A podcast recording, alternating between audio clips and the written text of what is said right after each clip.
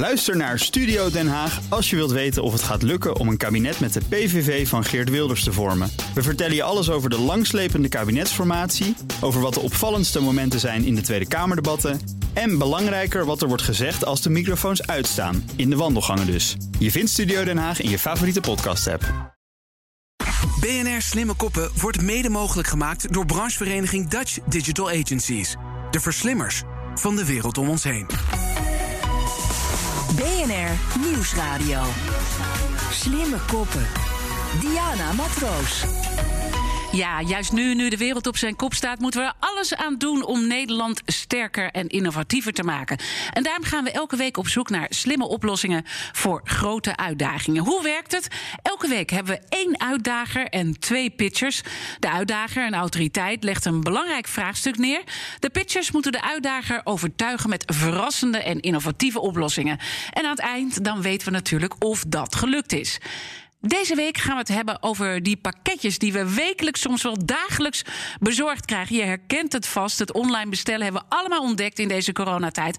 En dat zal ook wel zo blijven. Hoe gaan we dat organiseren als straks niet meer iedereen thuis is? Advies is nog altijd blijf thuis. En dus gaan we heel wat meer online kopen. Maar liefst 75% meer dan vorig jaar. Nog een paar dagen te gaan voor het pakjesavond is... kunnen de postbezorgers het niet meer aan. Zo werd er in één week tijd een recordaantal van 10 miljoen pakketten... door PostNL bezorgd. Ik noem het altijd topsport. Elke dag weer. Dus dat uh, doen onze pakkettenchauffeurs uh, uitstekend. En wij proberen dat ook een beetje uh, leuk te maken door af en toe een keer een frietkraam neer te zetten. pepernoten uitdelen, fruit uitdelen, straks oliebollen. dus elke dag proberen we daar gewoon een feest van te maken. De uitdager. Dat is Marcel Krom, CIO van PostNL, oftewel hoofd innovatie bij PostNL. En onlangs ook uitgeroepen tot CIO van het jaar. Dus we hebben een heel bijzondere uh, gast vandaag. En nog even terugdenken aan die tijd, Marcel. Dat feestje wat er gemaakt werd, maar het was wel heel druk, hè? Ja, het was zeker heel druk. We hebben een ontzettend drukke tijd achter de rug op alle vlakken. En uh, zeker natuurlijk voor ons de mensen die het elke dag moeten doen.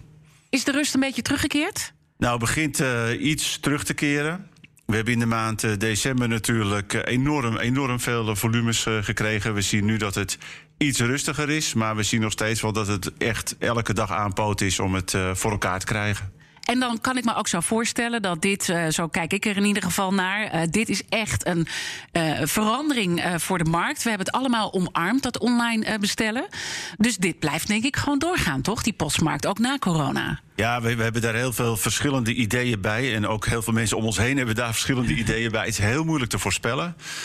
Uh, wij denken zeker dat er een uh, bepaalde groep van, uh, van nieuwe klanten, consumenten is, die het online winkelen heeft ontdekt. Dus, dus dat zal voor een deel wel blijven, denken wij. Maar we denken ook dat als er direct ja, de lockdown weer over is, dat dan de volumes wel af gaan nemen. Ja, maar als we een beetje wat verder voorop durven te kijken, kan je een beetje een inschatting maken van het percentage toename aan pakketten waar je in ieder geval rekening mee houdt?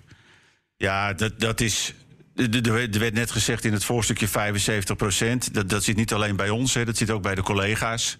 Ja. Uh, maar wij denken zeker dat de groei van pakketten... die is de laatste paar jaar ja, boven de 10% geweest... Die, die is nu echt boven de 20, 30 procent... dat dat voorlopig nog wel even blijft. Uh, want er wordt nog heel veel ook niet online gedaan. En dan ben je natuurlijk uh, hoofd innovatie. waar zijn jullie mee bezig om een beetje voor te sorteren...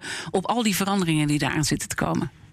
Ja, wat de, ons vak is natuurlijk heel erg logistiek gedreven. Wij hebben te maken met uh, bijvoorbeeld, ik zal een voorbeeld geven, met het slim inpakken van, van wagens. Daar zijn we nu mee bezig met elektrische fietsen met een grote bak erop. En daar hebben wij dan tooling voor gemaakt waarmee je kan zien welk, je, welk pakje je het slimste voor het eerst in je bak kan leggen.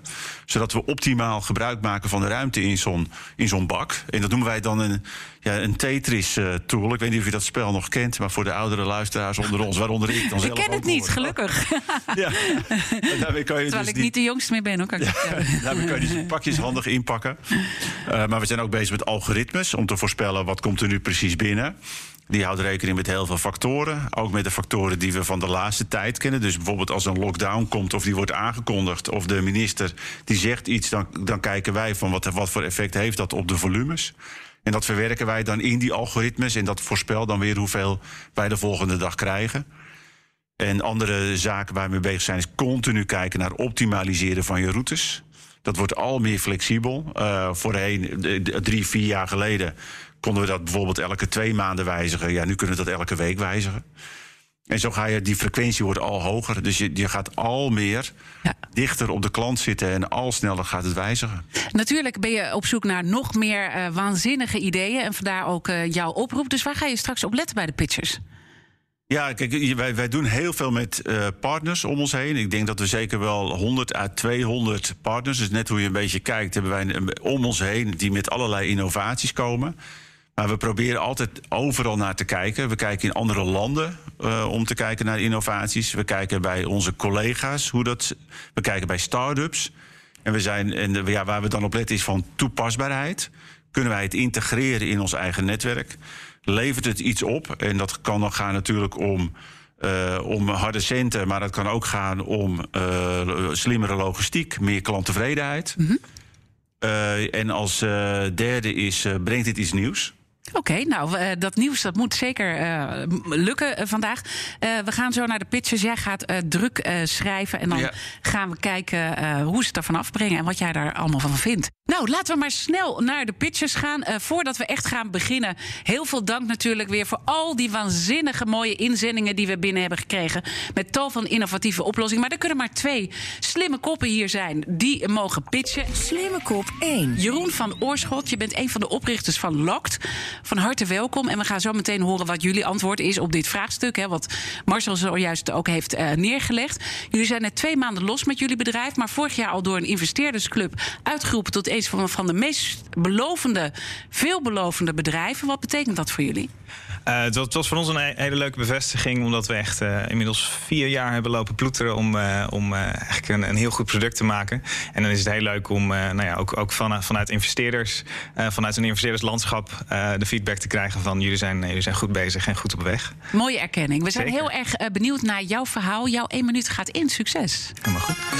Zou het niet heerlijk zijn als al je pakketjes die je bestelt gewoon achter de voordeur liggen te wachten als je thuis komt, in plaats van dat er weer zo'n we hebben je gemist briefje op de mat ligt. Met het Locked Smart Lock kun je je pakketjes gewoon tot achter de deur laten bezorgen. Via je smartphone geef je dan eenvoudig uh, eenmalig toestemming aan de postbode om je deur te openen en het pakket achter de deur neer te zetten. Natuurlijk koop je een smart lock niet alleen voor de postbode, maar je laat er ook makkelijk je familie, je vrienden, de interieurverzorger. Uh, zelfs de hondenuitlater mee binnen op uh, tijden die jij bepaalt. Maar bovenal koop je een smart lock voor jezelf. Want je gaat er ook veel makkelijker mee naar binnen. Zelfs als je je handen vol hebt. Met een enkele aanraking uh, maak je de deur open. Dus ook als je de kinderen of de boodschappen of allebei op de armen hebt. je gaat er heel eenvoudig mee naar binnen. Hoewel als het bezorgen dan toch zo gemakkelijk is... zou je die dan niet ook allemaal laten bezorgen. Kortom denk ik dat een smartlock van een domme deur uh, eigenlijk de slimme toegangspoort tot je huis maakt. En dat je daar ook veel meer mee kan dan, uh, dan, dan wat je nu met je, met je slot kan. Oké. Okay. Dank uh, voor je verhaal. Um, ik merk dat ik er al meteen allerlei vragen bij heb, maar dat gaan we zo meteen doen. En Marcel zit al druk te pennen. Slimme kop 2. Mark-Jan Pietersen, oprichter van Homer. En uh, Homer staat dan voor de postduif. En de dubbele R op het eind staat voor retour. Heb ik begrepen. Uh, jullie noemen je ook met trots de allertraagste pakketbezorger. Moet je even uitleggen, want ik wil altijd mijn pakketten heel snel. Ja, dat is met de knipoog natuurlijk. En, uh, en laten we nou met die uh, klantbehoefte nou straks maar de dialoog aangaan met elkaar. Want dat t-shirtje dat jij gisteravond besteld hebt, hoef je echt niet vandaag te hebben. Zoveel haast heeft het echt niet. Dat geloven we helemaal niks van. En, en daarmee spelen we goed in met Homer, omdat we dat op een nou, wat andere manier inrichten dan de traditionele pakketbedrijven in Nederland. Mooi. Ik ben heel erg benieuwd uh, naar jouw uh, één minuut verhaal. Jouw pitch gaat nu in. Succes. Ja, Homer is uh, de duurzame pakketbezorger van Nederland. En wij zijn eigenlijk uniek doordat wij de enige pakketbezorger in Nederland zijn... die van en naar pakketpunten enkel levert. daarmee dragen wij bij eigenlijk aan een duurzame pakketbezorging in Nederland... en ook een betaalbare pakketbezorging in Nederland. En wij zijn uniek, want ons netwerk bestaat enerzijds uit winkels. Dus de winkels die je al kent, zoals de ACO's bijvoorbeeld, uh, boekenhandels, uh, kleine supermarkten. Maar we hebben ook een heel fijnmazig netwerk van particulieren die als buurtpunt, zoals we dat mooi noemen, fungeren. Dat zijn pakketpunten aan huis. Daarmee zorgen we ook dat we ook echt in die woonwijken actief zijn en een afgiftepunt hebben waar je pakketten kwijt kan. Nou, daarbovenop kijken we ook anders naar die logistieke inrichting. Wij voegen geen wielen toe in de, aan de markt, aan de keten. Wij maken gebruik van bestaande logistieke vervoerders... die totaal niks te maken hebben met pakketbezorging. Maar B2B-vervoerders die al rondjes rijden, melkrondjes rijden... om winkels te bevoorraden. En wij utiliseren eigenlijk de ruimte in die busjes... eh, om onze pakketpunten te voorzien van, eh, van onze pakketten. Oké. Eh, ook heel erg interessant. En twee hele verschillende oplossingen. Dus dat is ook super superleuk om over door te praten. Maar eh, natuurlijk Marcel, die ook hier weer druk zit te pennen. BNR Nieuwsradio. Slimme koppen. Marcel Krom, de hoofdinnovatie bij PostNL. Hoe kijk je hiernaar? Wat valt je op? Ja, wat me opvalt bij, bij Lokt is, er, er zijn natuurlijk eh, best wel veel systemen die de deur open kunnen doen. Dus ik ben eh, wel even op zoek. Ook, dus ook eigenlijk direct een vraag is van wat, wat brengt dit extra ten opzichte van de camerasystemen die we al kennen, zoals eh, Ring en dat soort zaken, waarmee je ook dit soort faciliteiten hebt. Nou, het is grappig dat je het vraagt. De, de, de ring, eh, je, kan, je weet daarmee inderdaad wie er voor je deur staat. En als die bezorger daar staat, dan zie je... hé, hey, daar staat eh, mijn postbezorger met, eh, met mijn pakket... maar je kan er alsnog niet de deur mee openen. Dus uiteindelijk gaat alsnog dat... we hebben je gemisbriefje in, in de bus, want ja... eh, je- je kan de deur niet openen. Maar, maar is dat zo? Want ik kan me herinneren dat er ook een eh, ring is. Ik ken iemand die een ring heeft die wel op afstand kan openen. Of is dat dan een combinatie met iets anders? Mogelijk dat hij ons slot erbij heeft. Ja, dat zou kunnen. dat zou En, kunnen. en Ik dat is dus natuurlijk wel een, een hele mooie combinatie om die camera te hebben, zodat je ziet wie er voor de, voor de deur staat. eh, en vervolgens ook de bezorging kan, kan monitoren. Maar het echt openen van de deur en het bijvoorbeeld ook automatisch weer op slot gaan, zodat je ook zeker weet dat het allemaal veilig is. eh, dat, dat, Dat is komt echt eh, van jullie vandaan. kan. En hoe werkt de autorisatie richting de bezorgers dan? Want wij we hebben natuurlijk verschillende bezorgers en ook van andere partijen die natuurlijk langskomen. Wij zullen natuurlijk moeten zorgen dat al die bezorgers die dan bij langskomen bij het slot ook dan even geautoriseerd zijn. Ja, nou, de, de mooiste manier is denk ik dat als je een pakket bestelt, dat je een pingetje krijgt met: hey, eh, morgen staat. eh, Postbode Claudia voor de deur. eh, en zij heeft een pakket bij je en ze is om tien over drie bij jou. Wil je haar eenmalig toegang geven? Nou, als je dan ja zegt, dan krijgt zij op, op haar device krijgt zij een eenmalige sleutel. Gewoon een digitale sleutel. Dus die kunnen we gewoon via een, eh, een berichtje kunnen we die sturen. Eh, en die werkt één keer in een bepaald tijdsvak. En op dat moment, als zij daar bij de deur is, gaat de camera aan. Zie je dat de deur wordt geopend, het pakket wordt neergelegd, eh, de deur weer dicht gaat. Ik zou het toch wel spannend vinden om iemand binnen te laten. Ja, ik- je moet mij nog even overtuigen daarin. Ja, dat, dat- grappig, ik, eh, eh, ongeveer de helft van de mensen tegen wie ik dit, dit verhaal vertel, die zeggen: Ja, ik vind het super spannend en ik vind het hartstikke eng. En de andere helft vindt het fantastisch, want die bedenkt dat hij nooit meer in de regen naar een pakketpunt hoeft te fietsen om een paraplu op te halen. Ehm, dus dat, dat lijkt. het is heel grappig hoe dat, hoe dat valt. En eh, wat ik heel leuk vind, is dat ook van Airbnb zeiden we ooit: Ja, maar dat is toch heel eng. En die mensen slapen zelfs in je bed. En toch heeft Airbnb inmiddels 6 miljoen. eh, ja, dat is waar. Dat is waar. You got me there. Ja, Marcel? nou, je zou op deze manier natuurlijk kunnen denken aan de hal wordt je nieuwe pakketlokker, hè? Eigenlijk. Eigenlijk wel, ja. Dus je zou ook nog een, een tweede slot natuurlijk in je huis kunnen zetten, dat je alleen toegang geeft tot, tot de hal, bijvoorbeeld. Ja. Je zou het ook misschien nog kunnen gebruiken, dacht ik, in, in appartementcomplexen. Ja, ons slot kan ook de, centrale toegangsdeur eh, openen. Dus daar, daar kun je zelfs kiezen van nee, dat eh, bijvoorbeeld een, eh, een t-shirtje, dat, eh, dat le- leggen we beneden in, in de hal neer. Maar ja, die 50 inch flatscreen tv, die wil je dan denk ik toch liever Ja. in, je, in je eigen woning hebben staan. Dan een beetje mijn laatste vraag. is, Je zegt, ik heb er al duizend eigenlijk verkocht, hè? Want jullie hebben ze net gemaakt en de eerste duizend zijn al weg. Wat Ja. is daarvan dan de doelgroep? Eh, de doelgroep is eigenlijk heel, eh, heel divers, maar eh, voornamelijk mensen die het gedoe met sleutels zat zijn. Die niet meer gedoe willen hebben met de sleutel uitdelen aan, aan de oppas. Ehm, of eh, op Maar zijn het met name jonge mensen die het ook aandurven? Die misschien ook wat iets meer dat Airbnb-achtige Ehm, nee, het is eigenlijk, leven hebben? eigenlijk, eigenlijk heel breed. We zien, we zien echt ja, voornamelijk 30 tot 50. Nou, dan ben, ben ik ook even benieuwd natuurlijk wat je van eh, Homer vindt. Ja, nou, wij, wij, wij eh, we werken al een tijdje. eh, wij kennen Mark-Jan goed, want Mark-Jan heeft in het verleden bij PostNL Ja, ook, dat is waar, actief ja. geweest. En wij kennen Homer. Ehm, dus wij hebben ook gekeken naar het verschillende soorten afgiftepunten dat je nodig hebt in de buurt. Wij werken op dit moment met 4000 eh, retailpunten.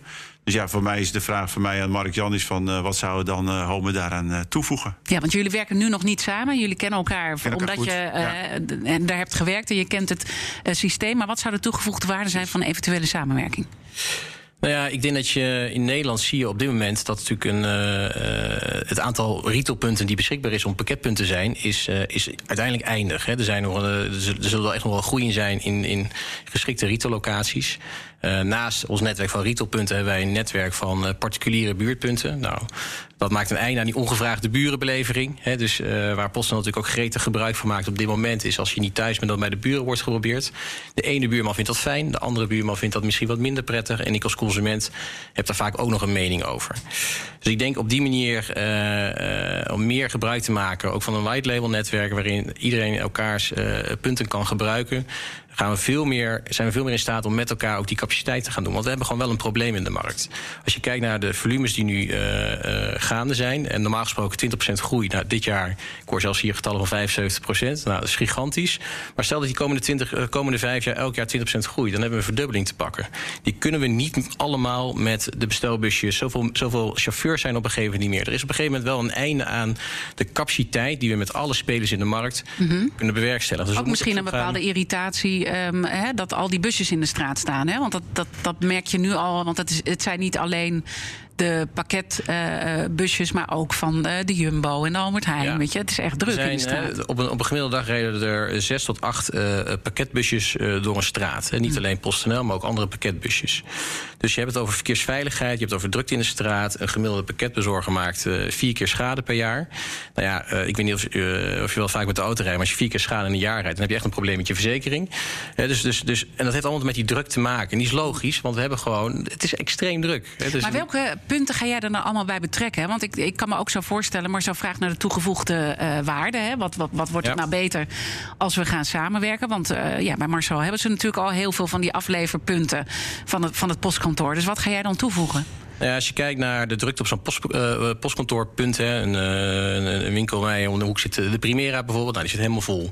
Als je dan weer door wil gaan naar andere punten, als je alleen maar de, de retailpunten hebt, zeg maar, dan heb je op een gegeven moment een einde. Almere vind ik een fantastisch voorbeeld. Almere is zo'n typische stad in Nederland waar mensen wonen in woonwijken en de, uh, de, de retail is gestructureerd, zeg maar, in winkelcentra. Als je alleen maar afhankelijk bent van winkelcentra om je pakketpunten te hebben, ja, dan zit je best wel ver van die consument af. Als je nou dichter bij Maas in die, in, die, in die woonwijk kan zitten... kunnen mensen lopend, of het regent of niet... dat maakt niet zoveel uit, maar kunnen ze lopend het pakketje afhalen. Uh, en ga je veel meer kilometers besparen met elkaar. Ja, en dat is natuurlijk dat goed voor de CO2-uitstoot. Uh, dat dat uh, volg ik, maar ik zie jou lachen, Marcel. Ja, Wat ik denk, nou uiteindelijk denk ik dat je naar meer punten... waarschijnlijk wel zal gaan als deze drukte toeneemt. Hè. Dus daar heb je zeker een punt... Uh, wij, zijn, wij hebben wel gekeken naar de modellering van het netwerk. Dat of wij kilometers kunnen besparen door gebruik te maken van meer punten. Uh, maar zolang je dus een bepaalde dichtheid hebt in je route, dan blijf je dezelfde aantal kilometers rijden. Uh, het tweede punt is waar we naar kijken, is natuurlijk naar dat de busjes van ons die we nu hebben, daar zijn we mee bezig om dat richting 2030 CO2-friendly te laten zijn. Maar dan hou je altijd nog steeds het capaciteitsprobleem. Dus daar heb je inderdaad wel een ding als je vijf jaar vooruit kijkt. Dus gaat ook, als, waar ik nou wat toe wil voegen, is het stukje uh, hoe, hoe gaan we het ook betaalbaar houden met elkaar. Dus, dus uh, nou, je hoort in de nieuwsberichten vrij veel berichten over dat mensen zichzelf onderbetaald voelen en dergelijke. Maar uiteindelijk is die consument niet echt bereid om heel veel te betalen voor dat ene t-shirtje die ze morgen graag in huis willen hebben. Dus als je gewoon naar de meest efficiënte, goedkoopste oplossing kijkt, dan is het gewoon een standaardbelevering aan, uh, aan pakketpunten. Dat is de meest goedkope manier om te doen. En ik geloof heel erg in dat wij als consumenten, als maatschappij, naar gedragsverandering toe moeten. Waarin je zegt, nou, als ik niet zoveel haast heb, kan het prima een dag langer duren en het kan rechtstreeks naar een pakketpunt. Maar wil ik hem wel hebben als premium service, ja, perfect. Dan is het aan huisleven natuurlijk een hele goede service. En dan service. moet ik meer betalen. dan kan je iets meer gaan betalen. En dan zie je ook in, in Amsterdam ook een aantal initiatieven die daar ook op inspelen. En dat blijkt ook dat mensen dat ook inderdaad ook prima vinden om daar extra voor te betalen. Dus daar Mhm. zie ik juist weer de kans, denk voor partijen als PostNL die daar goed in zijn, om later in de avond uh, op, op een dedicated tijdstip te kunnen leveren. Ja. Maar laat de basis nou gewoon Ja, uh, goedkoop Marcel, en efficiënt iets gaan. over uh, Ja, de differentiatie in uh, afleveropties gaat zeker komen in de komende vijf jaar. Uh, wanneer is niet helemaal, maar wij vragen nu ook iets extra voor de avondbelevering. Dus een verdere differentiatie zou je heel goed voor kunnen stellen. En daar zou dit een van de opties in kunnen zijn. Jij zei ook dat je een verschil zou kunnen maken tussen snelle leveringen en trage leveringen. En dan is er natuurlijk de vraag: hoe kom je er dan achter bij een consument ten aanzien van het product wat hij bestelt, wat, wat dan vertraagd kan zijn en wat niet vertraagd kan zijn? Ja, en dat is denk ik waar we uh, webshops heel hard voor nodig hebben. Hè. Dus uh, die moeten de, de, de keuzevrijheid ook gaan bieden in de checkout van een, uh, van, een, van een webshop. Waarin jij gewoon kan aangeven: ik wil het graag goedkoop. Het hoeft niet per se morgen te zijn, het kan ook overmorgen zijn, wil ik het geleverd hebben. Of ik wil het CMD bijvoorbeeld hebben, of, uh, mm -hmm. of, of, morgen bij een bepaald tijdstip. En daar heb je gewoon al verschillende tarieven voor. En dan zou ook heel mooi zijn als je de impact op CO2 kan, kan berekenen. Toch hè, ik zit even naar jou uh, te kijken, Marcel, want ik, ik merk uh, deels enthousiasme, maar deels uh, ben je nog aan het filosoferen over hele andere dingen die je bijvoorbeeld ook in het buitenland ziet. Wat zijn voor jou als hoofd, hoofdinnovatie bij PostNL de grote voorbeelden?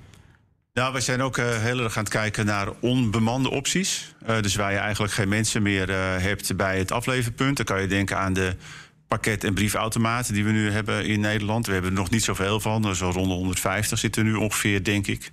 Uh, dat gaat wel toenemen, dat aantal. Uh, maar daar heb je, heb je ook heel veel vrijheid van wanneer kom je en wanneer breng je het. Dat is een optie. We, zien ook, we hebben ook voorbeelden gezien in China... waarbij je gewoon op straat ja, een soort ja, containers hebt... waar je gewoon naar binnen kan lopen en je pakje kan halen. Daar zit best wel veel beveiliging ook omheen om de mensen te volgen. Dus dat soort opties zijn we aan het bekijken.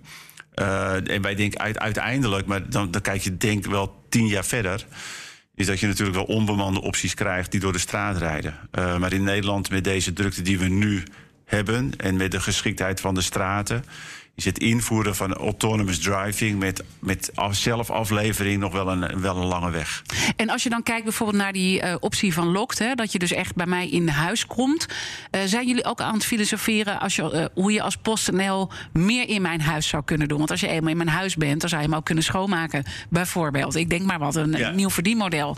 Nou, we hebben voorbij de drempelservices zijn we mee gestart. En, maar dat is wel als iemand thuis is op dit moment. dus dat is bijvoorbeeld het installeren van witgoed. Uh, wat we meenemen. Dus dan komen we ook binnen en dan leveren we het helemaal werkend af. Uh, dus dat soort diensten denken we zeker over na. En dat kan ook nog uh, gaan toenemen. We zijn uh, bijna klaar met het gesprek hier op de radio. De conclusie. Ik wil je toch nog eventjes vragen om een takeaway van dit gesprek. Um, ik zou aan jou willen vragen om te beginnen, Mark-Jan Pietersen, de oprichter van Homer. Wat neem je mee? Dat uh, klantbehoeftes niet zomaar te sturen zijn. En ik, uh, wat ik in ieder geval uh, graag mee wil geven aan de luisteraars... is ook om mezelf ook bij je, als je een pakketje bestelt... jezelf af te vragen, heb ik dit nou echt morgen nodig? Of kan het ook op een andere manier geleverd worden? Want ik denk dat we daarmee veel slimmer gaan, gaan samenwerken in de markt... en dat je ook veel meer andere alternatieven kan gaan toepassen. Jeroen van Oorschot van Lokt. Ja, wat ik heel, heel gaaf vind om, om te horen van Marcel... is dat hij druk bezig is met eigenlijk het, het zoveel mogelijk autonoom... in ieder geval verzenden... En en, uh, en, en ontvangen. En dan nou ja, de volgende stap is dat wellicht uh, ontvangerloos thuis ontvangen. Mooi. En Marcel Krom natuurlijk als uitdager de hoofdinnovatie van PostNL. Ja, ik denk dat in het verhaal van Mark-Jan bij Homer is denk diversiteit in oplossingen is toch wel iets wat naar voren komt wat we denk ik echt moeten koesteren. Uh, dus daar zijn we wel over aan het nadenken. Maar dat is echt wel heel erg belangrijk. Ook zeker gezien vanuit de klantbehoeften. Want dat is uiteindelijk waar het over gaat. En het, uh, het hele idee van, van Locker, daar, daar, daar heb je natuurlijk implementatie issues. Want hoe kom je op een gegeven moment tot een, ja, tot een miljoen stuks? Hè? Dat is een beetje dan de challenge. Want duizend is in ons geval wel interessant, maar nog niet zo heel erg relevant. Dus Zorgen we wel voor. Precies. Dus, Hij is er klaar voor, ja. Maar ik denk wel dat met het zorgen van een goede toegang tot vertrouwde mensen in huis, dat je daar nog een hoop veel problemen mee op kan lossen. Slimme koppen.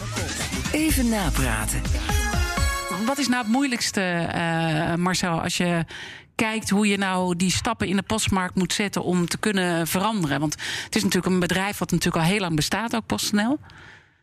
Ja, wat. Uh, dat, dat is divers. Dat, dat ligt eigenlijk op vier vlakken. Als je kijkt naar de verandering waarbij dit soort oplossingen een onderdeel van, waar dit soort oplossingen een onderdeel van zijn, moet je zorgen dat je systemen zich snel kunnen aanpassen, je processen en je mensen. Nou, bij systemen denk je dan aan uh, nieuwe technologie. Uh, waarbij je dus veel sneller je IT-systemen kan aanpassen. Daar hebben wij heel veel in geïnvesteerd in de afgelopen tien jaar. En dat betekent dat we nu, ja, sommige systemen kunnen wij echt on the flight morgen veranderen. Dus als we morgen een afleveroptie erbij kunnen voegen, dat is ongeveer een dag werk. In het verleden was dat zeker een maand werk. En dat, die hele CICD-omgeving, zoals wij dat noemen, in combinatie met dat systeem het 100% van de tijd moeten doen. Dat is challenge 1, maar dat is een technologische challenge, maar ook een way of working. Want je mensen moeten het ook aankunnen. Het tweede is natuurlijk, je moet je mensen continu meenemen. Zowel de mensen die het werk doen eh, aan de deur. Die krijgen, elke, ja, die krijgen soms wel vijf of zes verschillende nieuwe opties in een maand. Ja, dat moet je kunnen blijven implementeren, want ja, de wensen nemen enorm toe. Uh, betekent ook dat je je teams die het maken, die de change maken, die moet je in holistische teams bij elkaar zetten. Dus dat is die hele, ja, we noemen het wel agile, maar om dan te denken vanuit customer journeys in die agile teams te formeren, dat is bij ons, het gaat over een populatie van ongeveer duizend mensen die die hele change realiseren. Om die in die nieuwe stand te krijgen, waarbij je veel sneller kan veranderen. Dat is complex. En dan daarbij uiteindelijk is natuurlijk ook van hoe zorg je ervoor dat je geld blijft verdienen. Want elke optie die je toevoegt heeft ook weer een kostenconsequentie. Ja, en als wij een foutje maken van een cent, ja, keer, keer anderhalf miljoen op een dag. Dan, gaat is het, hard. zo meteen weer heel veel geld. uh, dus je, je bent heel erg. Aan de ene kant is het heel groot en massaal, en aan de andere kant heel fijnmazig. En hebben jullie daar dan bepaalde ideeën bij of vragen bij als jullie dat allemaal zo horen? Uh, jij kent natuurlijk het bedrijf goed. Ja, wat ik wel, wel interessant zie, hè, vind, is inderdaad, hè, dus uh, je kan heel erg, uh, vanaf een, uh, een, grote afstand naar kijken. Maar uiteindelijk gaat in de, de, de devil die zit in de details. Hè. Dus inderdaad, wat, wat Marcel ook aangeeft. Uh, het is echt een, massamarkt, grote volumes draaien... om uiteindelijk daar een bepaalde winstgevendheid uit te kunnen halen. En foutjes zijn zo gemaakt en daarin mensen meenemen. En wat ik gewoon wel nog een beetje mis in, in als, als, als, als component bij wat Marcel net zei... of wat ik graag zou willen aanvullen, is ook het feitencomponent. Is dat we ook bezig moeten zijn met een hoe kunnen we ook klanten meenemen, consumenten meenemen? Ik heb sterk het gevoel dat wij heel erg veel tijd en energie hebben gestopt als markt. Uh, uh, om mensen maar uh, te trainen en op te leiden met het moet sneller, het moet sneller. En je kan nog meer keuze maken. En een, time, timeslot van een uur. Wat gaaf, wat geweldig. Iedereen zit erop. Maar daar gaat het allemaal niet om. Hè. Dus ook, ook grote uh, Amerikaanse partijen die naar Nederland komen... die zeggen ook, ja, beats, uh, speeds everything. Maar als wij klantonderzoek doen, dat is gewoon echt klinkklare onzin. Dat is niet zo. Het gaat om de Mensen willen helemaal niet die snelheid. Dus voor sommige producten willen ze dat wel. Als mijn, als mijn telefoon zo meteen kapot gaat, wil ik direct een nieuwe hebben. Mm -hmm. Maar voor sommige, voor sommige producten hoeft dat echt niet. Maar omdat het zo in onze genen zit... alle productmanagers, marketeers, die zitten zo... Het snel, sneller. Snel, snel, Hoe kunnen we nog meer uh, klanten daarin meenemen? Ja, als we zo'n fight met elkaar hebben... Ja, dan, dan hollen we met z'n allen misschien wel de verkeerde kant op.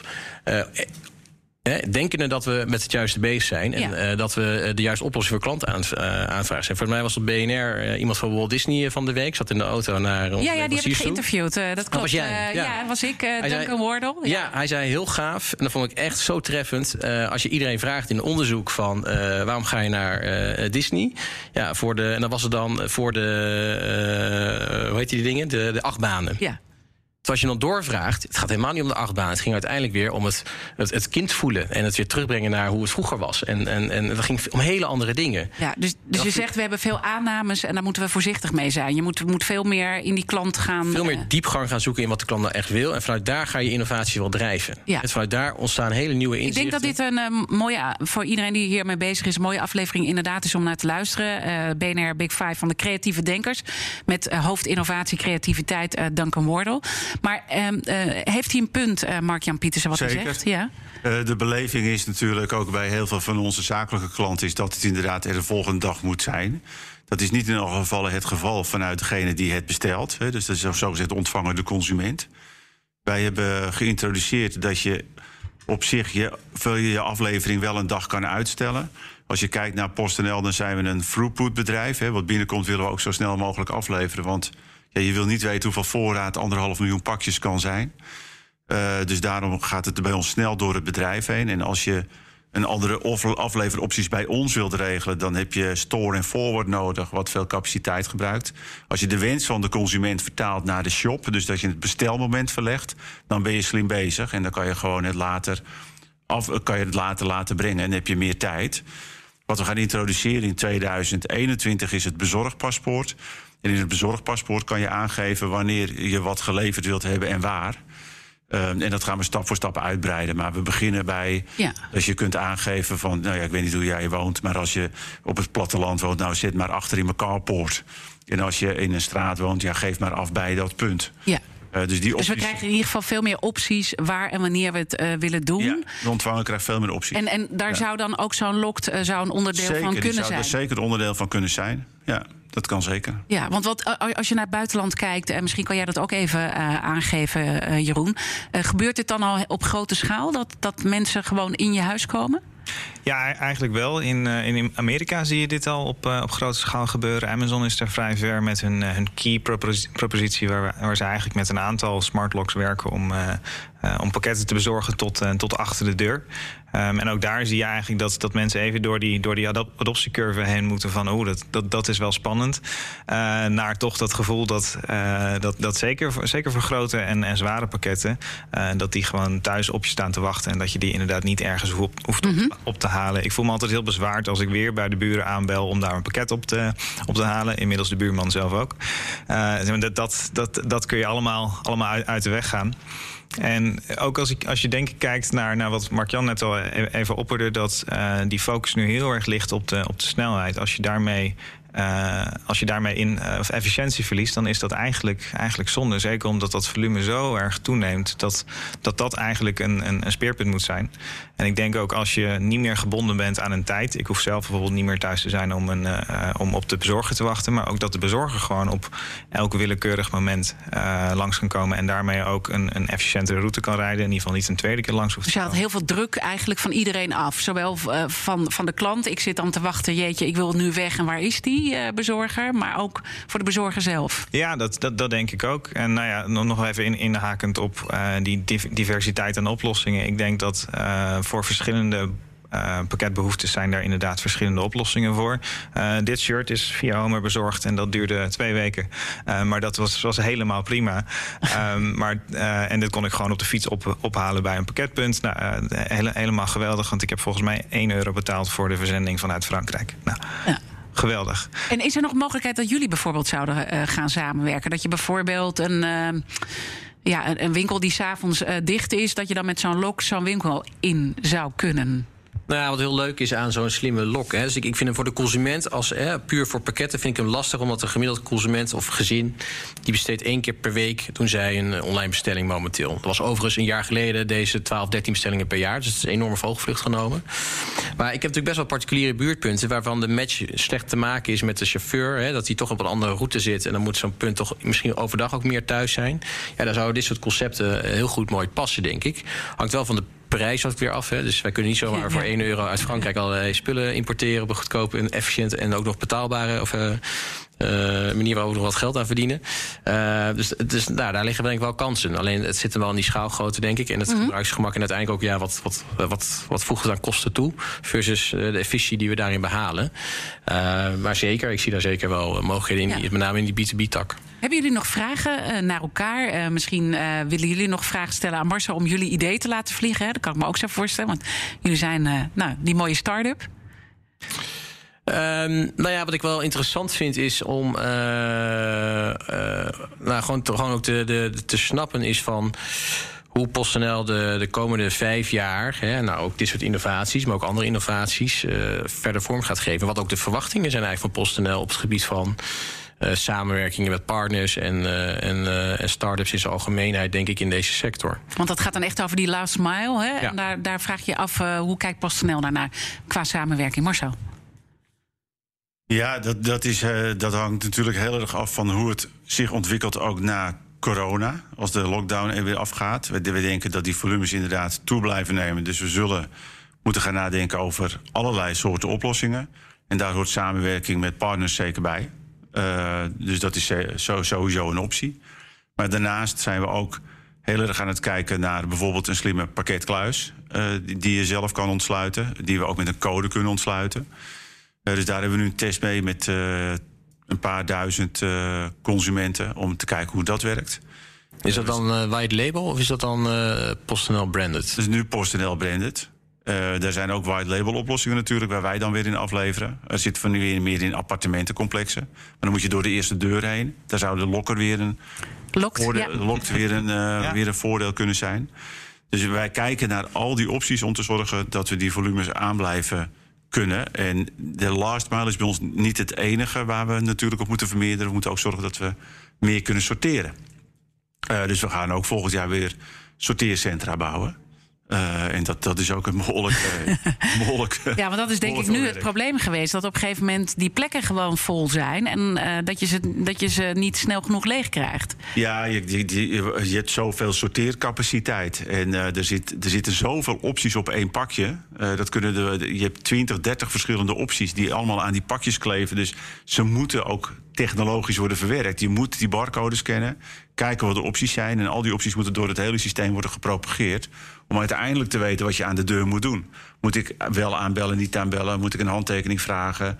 Eh zitten er eh, allerlei andere garantievoorwaarden bij? Al die zaken moeten wel mee per pakje. Ja, en dan krijg je nu even die coronatijd erbovenop. Want overigens hebben jullie daar van Homer wel last van gehad. Omdat al die punten dan dicht gaan. Dus ook in deze tijd waren jullie niet de speler die de oplossing eh, kon bieden. Nou, wat, wat heel prettig was in dit geval is dat wij dus een, een divers netwerk hebben. Dus wij hebben 10% van ons netwerk was uiteindelijk gesloten. Of is nog steeds helaas gesloten. En dan moet je denken aan de ACO's en de blokkers eh, van deze wereld. Dat is natuurlijk heel zuur van deze ondernemers. Anderzijds hebben wij, eh, de helft van ons netwerk bestaat bijna uit eh, particuliere punten. Die zijn gewoon open.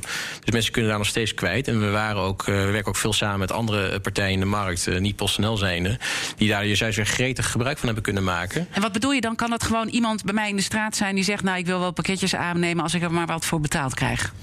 Nou, het gaat ietsjes verder dan dat. Hè. Dus eh, iemand zal zich, eh, zou, je, zou je moeten aanmelden eh, bij Homer. Dat kan door onze app te downloaden. Dan ga je een heel registratieproces in. Een soort onboardingsproces. Word je getraind. En nou, dat doen we wat check and balances. Die achter schermen hebben een aantal veiligheidssystemen ook ingebouwd. Waarin wij kunnen kijken of, nou, of jij een betrouwbare Homer zou kunnen zijn. En dan kan je op een gegeven moment live. Dan gaan we je live zetten. En dan nou, word je in alle systemen. En dan word je op een gegeven moment ook getoond in webshops. En dan ga je pakketten voor de wijk ontvangen. Ja. Dus dat kan inderdaad. Ja. Jeroen, missen we nog wat? Ehm, nee, even denken. Eh, kan ook gewoon dat we klaar zijn hoor. Nee, ja, nee, ik, ik, ik, ik denk we een behoorlijk compleet, eh, com- compleet verhaal hebben. Je vroeg net of ik nog, nog, een, nog, een vraag aan, eh, aan, aan aan Marcel heb. Ja, mijn vraag is eigenlijk hier, hiervoor eh, voortbordurend op, op, op de vragen zojuist. Ehm, als we daarmee bezig zijn, denk ik dat we daar ook zo snel mogelijk in moeten gaan, moeten gaan leren. Ehm, dus ja, wanneer gaan we de pilot starten? Kijk, er gaat even Nou, harde sales in. Ja, dat, precies. Laat zien, ja. Nou, dit soort voorstellen krijg ik natuurlijk heel vaak. En soms zeggen we ja en soms zeggen we nee. Maar volgens mij moeten we dat bespreken bij ons met degenen die ermee bezig zijn. Ja, en, en, maar kan je iets zeggen? eh, want misschien zitten andere mensen te luisteren en zeggen: We hebben een fantastische, innovatieve oplossing. Eh, wa- wat, wat werkt voor jullie en wat werkt niet voor jullie? Nou, weet je, de elementen die ik zei, het moet schaalbaar zijn. eh, het moet redelijk goed inpasbaar zijn in onze technologie. eh, en het moet voordelen bieden. En eh, dat zijn geen eenvoudige zaken. Om uit te rekenen of een bepaalde oplossing bij ons bijdraagt in efficiëntie en uiteindelijk in kosten en of in CO2-reductie. Dat zijn hele complexe modellen. Goed, laten we die dan niet helemaal hier doornemen. Nee. Maar eh, men kan zich natuurlijk gewoon melden als er eh, Zeker, ideeën zijn. zeker. Eh, dank dat je hier wilde zijn. Marcel Krom, de CIO van PostNL en tevens onze uitdager vandaag. De slimme koppen, Jon van Oorschot, oprichter van Lokt. En Mark-Jan Pietersen, oprichter van Homer met dubbel R.